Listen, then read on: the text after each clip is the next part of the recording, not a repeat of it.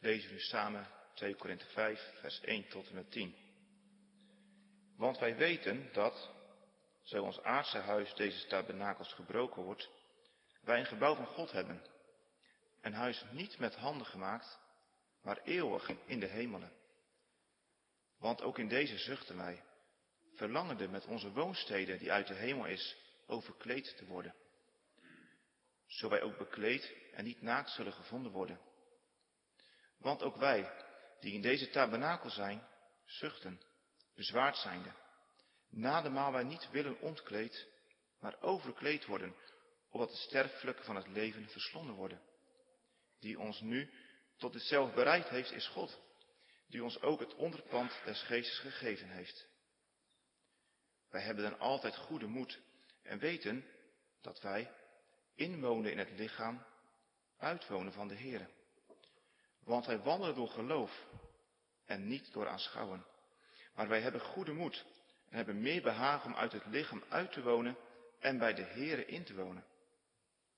Daarom zijn wij ook zeer begeerig, het zij inwonende, het zij uitwonende, om Hem wel behagelijk te zijn. Want wij allen moeten geopenbaard worden voor de rechterstoel van Christus. Wat een iegelijk wegdragen hetgeen door het lichaam geschiet, nadat Hij gedaan heeft. Het zij goed, het zij kwaad.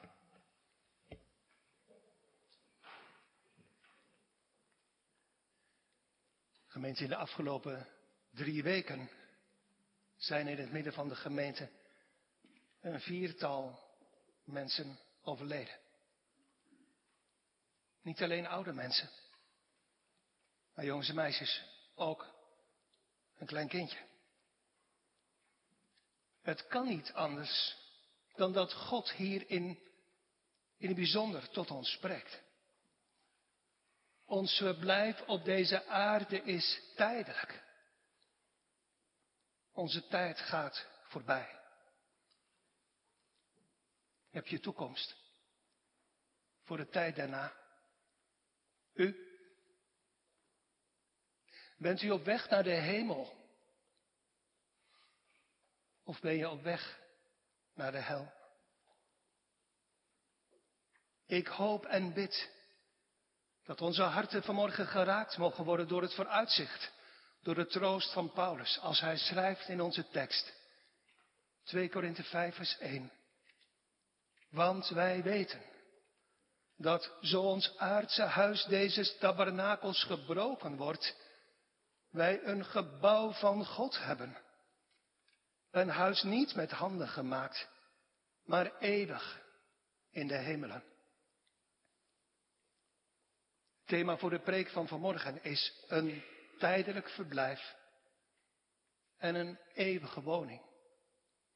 Een tijdelijk verblijf en een eeuwige woning. We letten samen op drie punten op de kwetsbaarheid van ons aardse bestaan als eerste. Op de zekerheid van de hemelse woning als tweede. En op de noodzaak om die zekerheid te verkrijgen als derde punt. Is dus de kwetsbaarheid van ons aardse bestaan. Jongens en meisjes, het gaat in de tekst van, van vanmorgen over een tent. Misschien ben je wel eens op vakantie geweest. In een tent. Heerlijk om buiten in de natuur, waar het ook is, te wonen, te slapen. S'avonds wil je de regen, als het regent, tikken op het dak van je tent. En s'morgens hoor je de natuur wakker worden en de vogels fluiten heel dichtbij. Een tent, dat weet je, die moet je opzetten. Je wilt trouwens het beste een tent hebben die niet te oud is. Want van een oude tent scheurt gemakkelijk het doek. En die gaat ook gemakkelijk, en dat wil je niet, die gaat ook gemakkelijk lekker als het regent. Een nieuwe tent, dat is mooi. En daar ben je, als je die hebt, ook trots op. Want zeg je, die is sterk. Ja, dat denk je. Heel veel jaar geleden hadden wij als gezin ook een nieuwe tent. Een vouwwagen, je weet wel, zo'n aanhangwagen en dan zit die tent dan in en die kan je zo helemaal uitvouwen. Nieuw. We zouden hem een paar dagen opzetten hier in Zeeland op een camping. Hij stond er misschien een dag of twee. De wind trok aan en die hele nieuwe tent vloog de lucht in. Een tent is mooi. Een tent is leuk. Maar kwetsbaar. Zelfs een nieuwe tent kan zomaar stuk gaan. Paulus zegt in onze, in onze tekst, ons lichaam is een tent, een tabernakel. En het is goed en verstandig om zo ook over je lichaam te denken. Vandaag staat die tent overeind. IJzersterk. Maar pas op. Eén harde windvlaag kan het einde betekenen van je tent. De Bijbel zegt als de geest des Heren daarin blaast. Dit is er voor nodig. De geest des Heren blaast erin. Voorwaar wij mensen zijn als gras dat verdort. Niet iedereen wordt oud. Sterker nog, de dichter zegt onze dagen, niet onze jaren, maar onze dagen zijn een handbreed gesteld. En wij vliegen zoals een vogeltje ineens wegvliegt. Wij vliegen daarheen. Plotseling kan je tent de lucht ingaan. Einde verhaal. Begin van de eeuwigheid. Paulus zegt, onze tabernakel, onze tent, wordt afgebroken. Hij zegt niet, we zijn bezig onze tent op te zetten.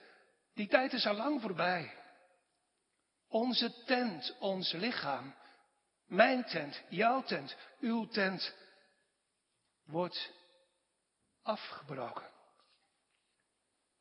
Door? Door ziekte misschien? Sommigen van ons hebben een ernstige ziekte. En u voelt bij uzelf langzamer of sneller, wordt uw lichaam afgebroken. Anderen hebben een ziekte, bijvoorbeeld een hartklaal die plotseling kan toeslaan. U voelt het in uw hart, of u toegeeft of niet, maar u voelt in uw hart, uw tent kan plotseling weggeblazen worden. Onze tent wordt afgebroken. Door ziekte, door een ongeluk.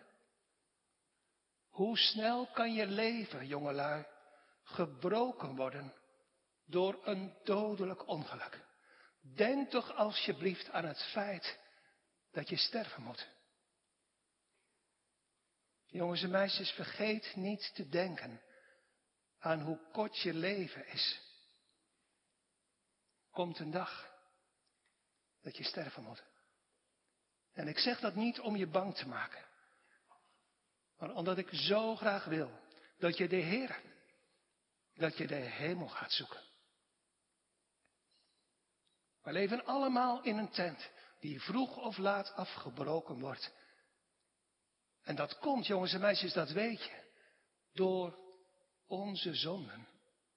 Want zo zijn we niet door de Heer gemaakt, zo zijn we niet geschapen. We zijn geschapen om eeuwig voor altijd te leven in een volmaakt huis. Maar wij, dat is onze schuld, wij hebben onze tent bezoedeld, dat wil zeggen vuil gemaakt en stuk gemaakt door onze zonde.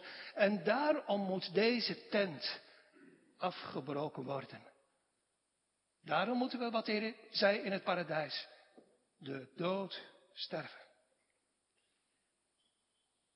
Denk je daar wel eens aan? Jongens, meisjes, jongelui. Denk je daar wel eens aan? En, en wat denk je dan stilletjes bij jezelf?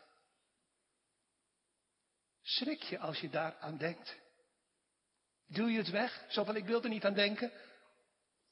Of, kan ook, verlang je daar wel eens naar? Omdat je in je hart denkt, ooit op Gods tijd mag ik naar huis, naar de hemel. U ouderen. U denkt toch niet dat u altijd in kapellen, wemeldingen, wiezelingen mag blijven?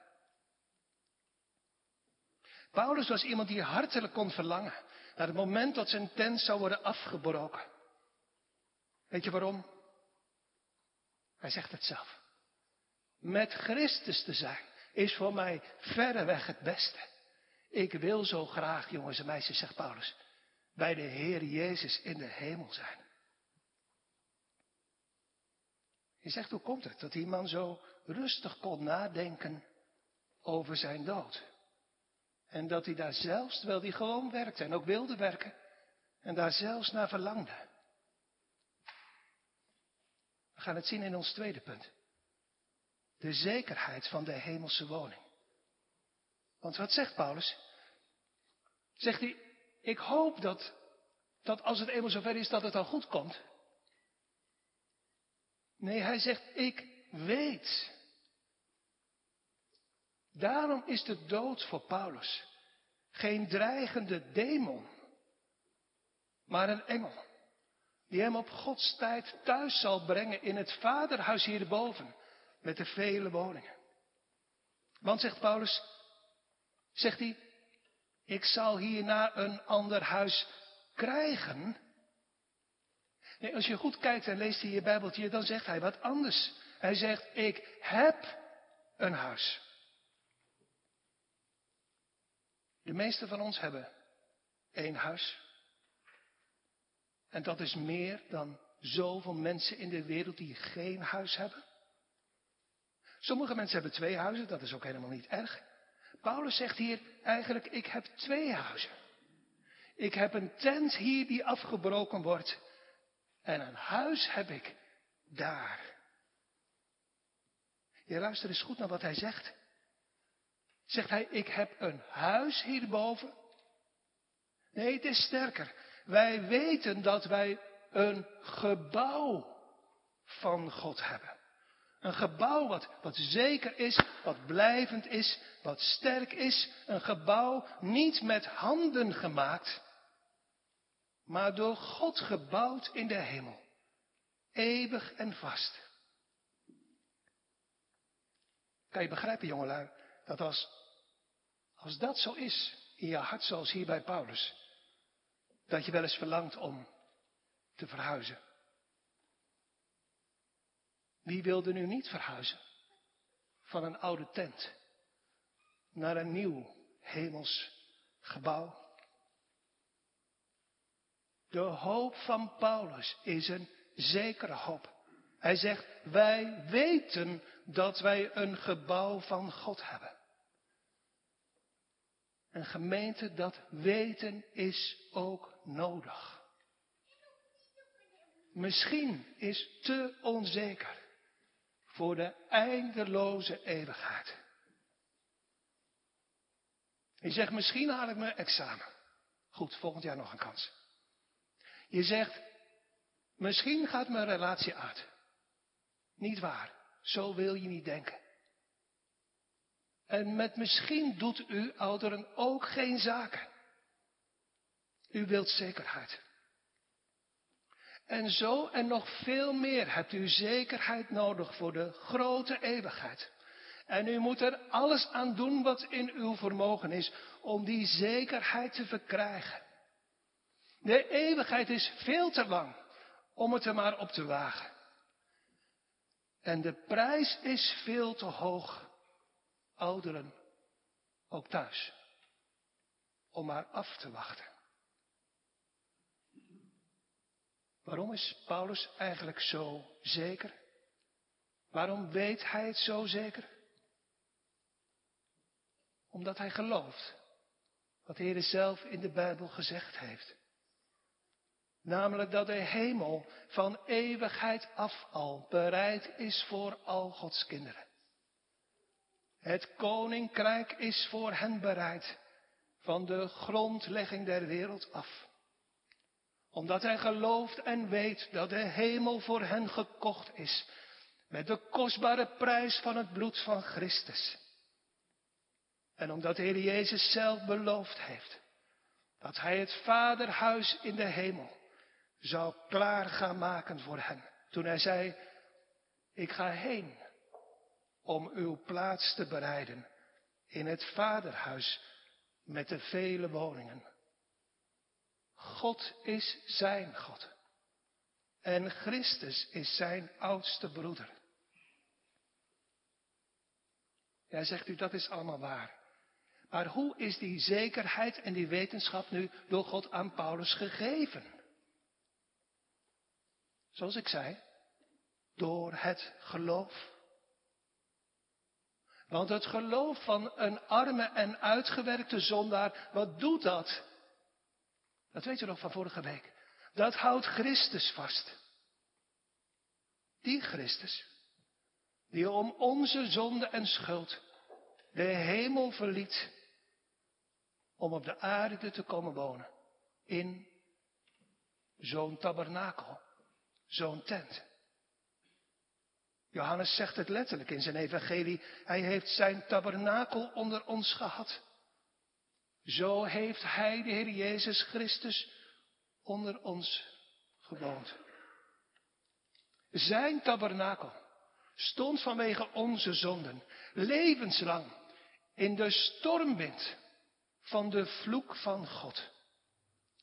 En uiteindelijk werd zijn tabernakel omgerukt door de vloedgolf van de toren van God over onze zonden. Terwijl hij toch door zijn goddelijke kracht staande bleef en overwon. Hij stond op uit de dood en ging terug naar de hemel om voor ons plaats te bereiden. En het geloof van arme, uitgewerkte zondaars houdt die Christus vast. Die alles deed in de plaats van zulke zondige mensen. Die Christus, die nu in de hemel is. Hij is het middelpunt van de hemel. Christus is de hemel van de hemel. En dus wordt het hart van Paulus, en dus wordt ons hart, geliefde mede-christenen, naar boven getrokken. Waar Christus is. Gemeente, waar is uw hart? Geef eens eerlijk antwoord tegenover de Heer. En waar is uw huis? En waar is uw schat? Zegt u ook met de dichter, wat we vorige week ook zongen. Ik ben, o Heere, een vreemdeling hier beneden. Mijn tent is bezig te vergaan. Maar hierboven wacht mijn zaligmaker. Ook op mij. Jongens en meisjes, alsjeblieft, zoek de Heer Jezus. Heb hem lief. En denk heel veel aan hem. Denk altijd aan hem. We gaan samen zingen. Wat ik net aanhaalde uit Psalm 119, vers 10. De voorzangers zingen voor ons, ik ben, o Heere, een vreemdeling hier beneden. Laat uw geboden op reis mij niet ontbreken. Psalm 119, vers 10.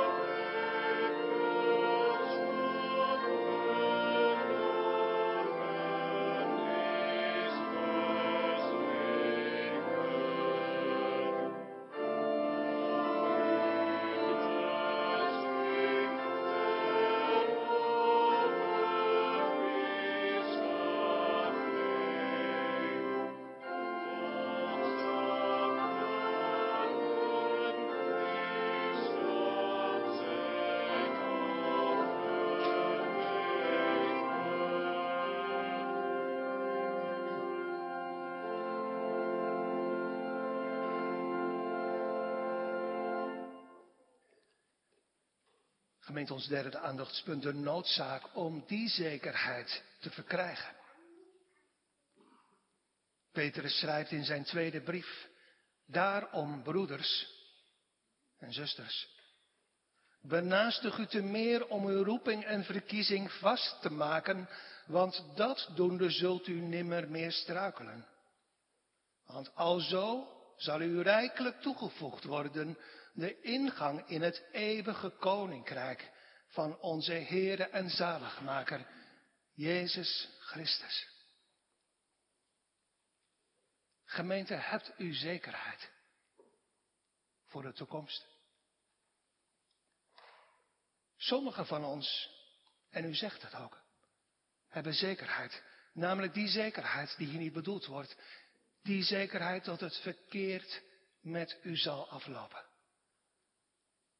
En u bent er opvallend genoeg uitermate rustig onder.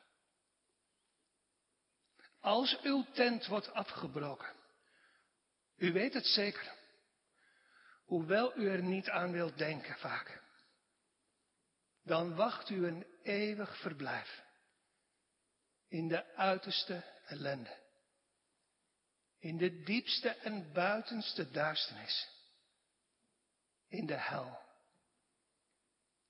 met God. Was het maar zonder God. Maar met God. Ondergaand onder de vloed van zijn wraak. Voor altijd. Zonder hoop. U knikt thuis. U beaamt het. Maar het lijkt u nauwelijks te raken. Gelooft u wel echt wat u zelf zegt? Lieve mensen, ga niet door en wacht niet af. Het loopt helemaal verkeerd met u af. Maak toch haast met uw leven en met het werk van uw bekering. U staat als op een, als een stukje strand. U weet al zo'n stukje zand. En u ziet, en u weet hier hoe dat gaat. U ziet dat de vloed opkomt en dat het water dichterbij komt. Maar u blijft staan. Mensen, u gaat verdrinken. O bedenk toch wat tot uw zaligheid dient. Uw tent wordt afgebroken. Eén windvlaag, één vloedgolf. Als de geest des Heeren op u blaast. Nu, nu thuis, zometeen op weg naar huis. Vanavond vannacht. Het aanbod van genade van mijn hemelse Heere en Zender is oprecht. Geloof zijn woorden, liefdevol en hartelijk. Ik bied u namens mijn zender de hemel aan. Een geestelijk huwelijk met de koning van de hemel, Jezus Christus. Hij woont in de hemel en als u met Hem in het huwelijk treedt in geestelijke zin, zult u voor altijd straks bij Hem wonen. Wend u dan toch naar Hem toe en wordt behouden. Alle dingen zijn aan Zijn kant gereed. Kom tot de bruiloft. O verloren en doodschuldige zondaars, u hoeft niets mee te nemen dan uw dood uw ellende, uw nood, uw schuld, uw verzet, uw vijandschap, uw onmacht en uw onwil. Maar beste vrienden, bedenk het toch. U moet sterven. Vroeg of laat. Morgen of vandaag. Maar als u vandaag aan de voeten van Christus valt, en zonder ophouden roept, Zonen Davids, ontferm u over mij. Dan zult u, als u vandaag sterft, zalig worden. Maar hoe zult u ontvluchten? Als u op zo grote zaligheid geen acht geslagen hebt. Gemeente, hebt u zekerheid voor de toekomst? Voor de dag vroeg of laat dat uw tent, net als de mijne, afgebroken zal worden. hebt u dan recht op een hemels huis? En hoe hebt u dat recht gekregen? Onderzoekt u uw hart wel eens? Ik heb recht u dat te vragen. En ook om u vanuit de schrift te waarschuwen voor zelfbedrog. Want er zijn mensen die denken dat ze naar de hemel gaan. Maar ze zijn op een andere weg. Hun leven laat het zien. Er is niets hemels aan. U zegt, hoe kan ik weten of ik zelf op de goede weg ben? Door uw hart te onderzoeken. Het was mijn laatste opmerking in de catechismuspreek van vorige week. Onderzoek uzelf of u in het geloof bent. Kijk eerlijk in de spiegel van het woord. En kijk eerlijk in de spiegel van uw hart. De eeuwigheid, lieve mensen, is veel te lang om daar slordig en vluchtig mee om te gaan. Hoe weet u of u op hetzelfde spoor bent als waar Paulus op was? Op, weg naar dat gebouw in het hemelse vaderhuis. Hieraan kunt u het weten. Voor wie is het koninkrijk der hemelen? De Heer Jezus laat er geen enkel misverstand over bestaan. Als hij zegt, zalig zijn de armen van geest, want hunner is het koninkrijk der hemelen. De hemel is bestemd voor niemand anders dan voor de armen van geest. Nee, van zichzelf waren ze niet arm. We zijn arm gemaakt door armmakende genade. Geestelijk rijke mensen in zichzelf zullen op de aarde nooit bukken aan de voeten van de Heer Jezus. En aan de hemelpoort worden ze straks, ondanks al hun verwachtingen, ledig weggezonden. Maar de armen, de geestelijke armen, zullen horen. Kom in, gezegende van mijn vader. Dit gebouw van God is voor u. Nu dan, armen van geest. Hoor toch tot uw troost het woord van God. Het woord van de Heere Christus zelf. U kunt zo tobben, dat weet ik. En ik ken dat ook uit mijn eigen hart. Met vragen als, is het wel voor mij? Ben ik wel op de goede weg? Hier hoort u het. Uit de mond van hem die de bezitter is van dat hemelse koninkrijk. Zalig zijn de armen van geest, want voor u is het koninkrijk der hemelen. Voor u die arm van geest bent. Wat voor mensen zijn dat?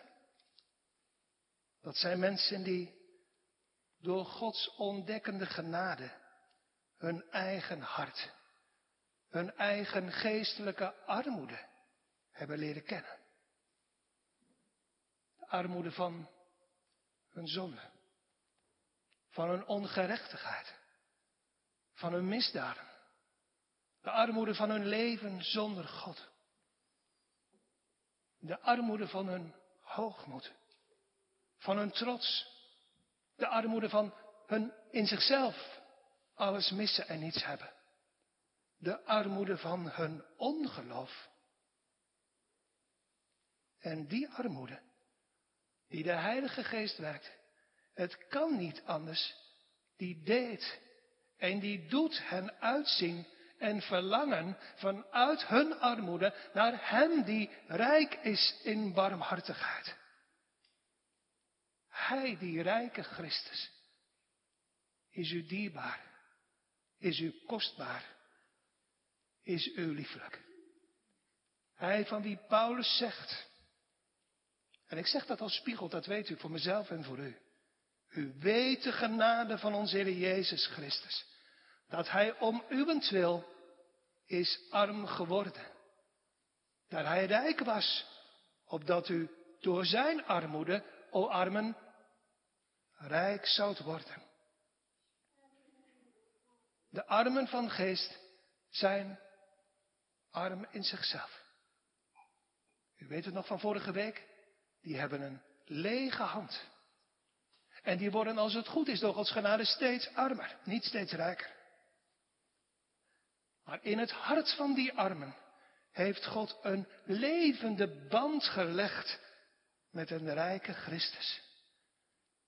En die band wordt in het leven van de armen van geest, als het goed is, steeds sterker. Zijn rijkdom, de rijkdom van zijn genade en barmhartigheid voor onze armoede, maakt dat we zeggen, u bent onze liefste. U bent ons alles. Mijn rots, mijn deel, mijn eeuwig goed. Het kan niet anders, gemeente. Het hart van zulke arme mensen verlangt naar Christus. En dus trekt het, want Christus in de hemel is in de hemel. Dus trekt het naar Christus. Onderzoekt u uw eigen hart. Want Christus zelf is het die aan een hart trekt. Hij trekt onze harten naar Hem toe. Naar Hem die de hemel is van de hemel.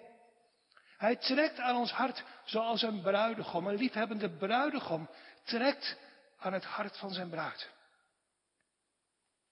Terwijl hij zegt, Vader, ik wil dat waar ik ben in de hemel, ook die bij mij zijn die u mij gegeven hebt. Daarom, niet waar, geliefde mede-christenen, kinderen van God, kunnen we zo verlangend denken, zingen, bidden. Wie heb ik nevens u, o mijn liefste Jezus, omhoog? Wat zou mijn hart, wat zou mijn oog op aarde hier nevens u toch lusten? Niets is er waar mijn ziel in kan rusten. Ik zal dan straks, wie weet hoe snel al, gedurig bij u zijn. In al mijn noden, angst en pijn, u al mijn liefde waardig schatten. Omdat u de rechterhand van deze arme zondaar wilde vatten. Als dat verlangen in ons hart is, als de Heer dat geeft om bij de Heer te zijn, dan kan het niet anders.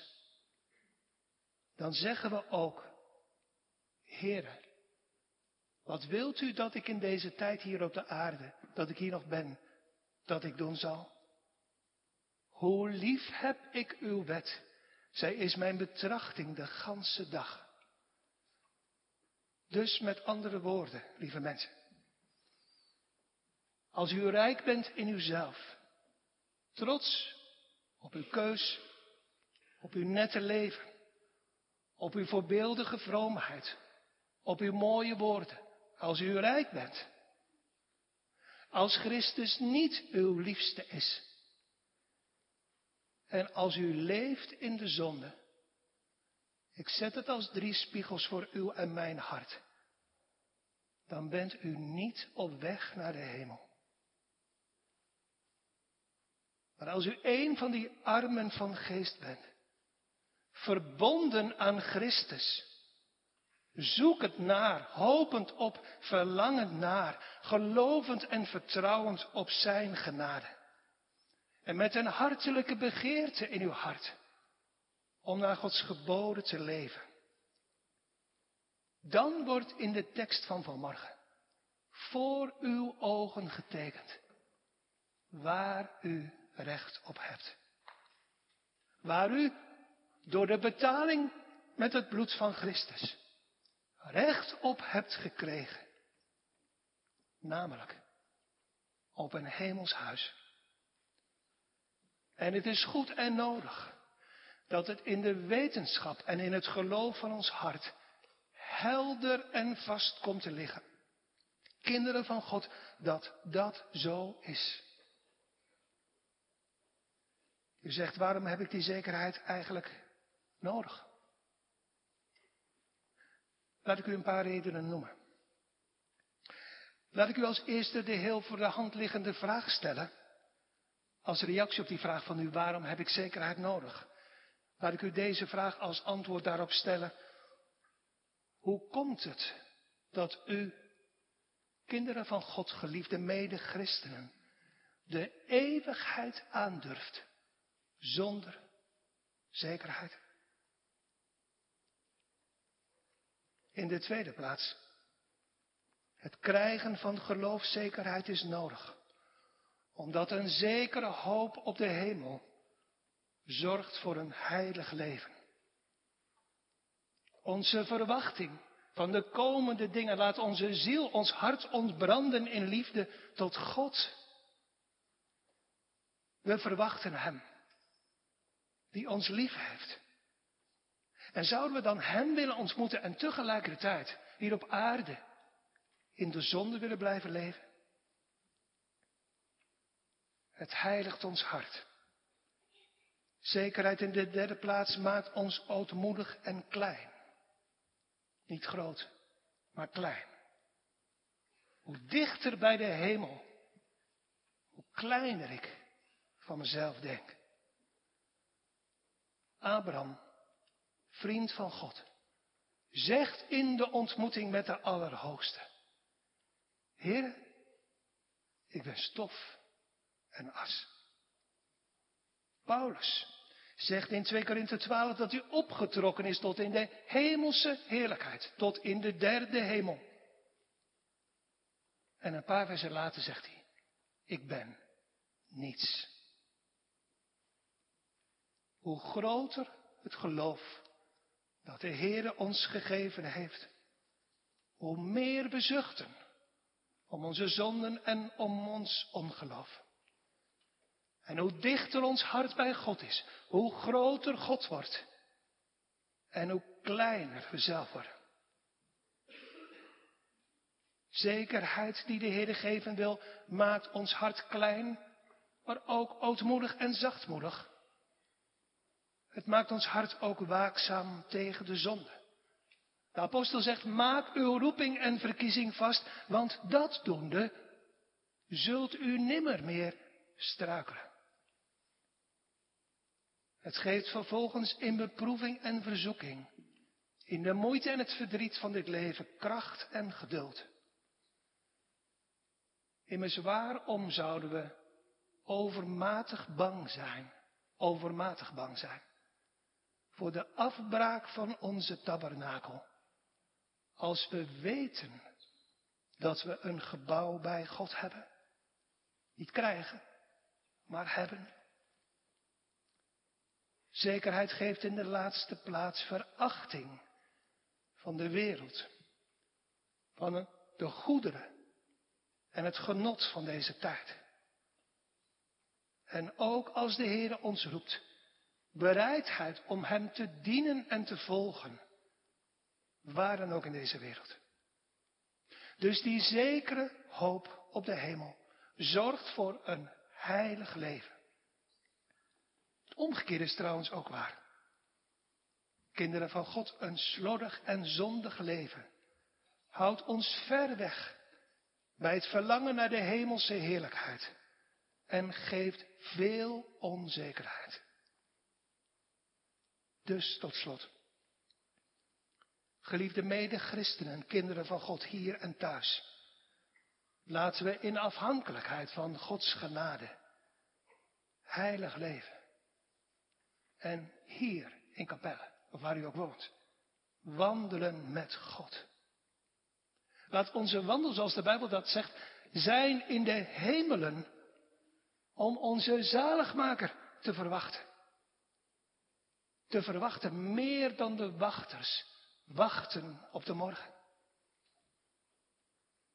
Laten we de Heilige Geest niet bedroeven door onze zonden, door ons ongeloof. En laten we al onze hoop stellen op Christus, die, zoals de Bijbel zegt, onze hoop is. Want alles buiten Hem, wat het ook is, wordt straks met onze tent afgebroken. En laten we ver weg blijven van de zonde. Wees heilig in al uw wandel en in uw woorden. En onderzoek de schriften, want die zullen u zekerheid geven.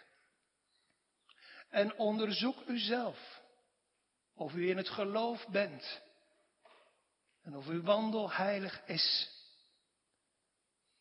En als dat zelfonderzoek u brengt tot groot verdriet om uw zonden en om uw ontrouw, vlucht dan opnieuw tot Christus en maak gebruik van zijn bloed. En laten we veel in ons gebed zoeken de dingen die boven zijn. Om in één woord te zeggen. Broeders, zusters, benaastig u te meer om uw roeping en verkiezing vast te maken, want dat doende zult u nimmer meer struikelen. Want alzo zal ook u rijkelijk toegevoegd worden de ingang in het eeuwige koninkrijk van onze Heere en Zaligmaker, Jezus Christus. Geliefde gemeente, bereid uw huis. Want ook u en ik, ook wij zullen sterven. Wij allen moeten geopenbaard worden voor de rechterstoel van Christus. Opdat een iegelijk wegdragen hetgeen door het lichaam geschiet, nadat hij of zij gedaan heeft. Het zij goed, het zij kwaad. Amen. Laten we samen bidden. Lieve Heren in de hemel, wij komen bidden tot u om u te vragen om een zegen over de bediening van de heilige doop. Om een zegen over uw woorden. Tot ons gekomen, ons aansprekend. In een leven waarin we bezig zijn afgebroken te worden en te vergaan. O Heere, wat een heerlijk vooruitzicht. Dat u ons die uw verschijning hebben lief gehad voor ogen stelt. Dat we hier het lichaam der zonde op uw tijd mogen achterlaten. Om voor eeuwig met u in de hemel te zijn. Maar o Heere, wat is het tegelijkertijd een bang vooruitzicht. Als we u niet kennen.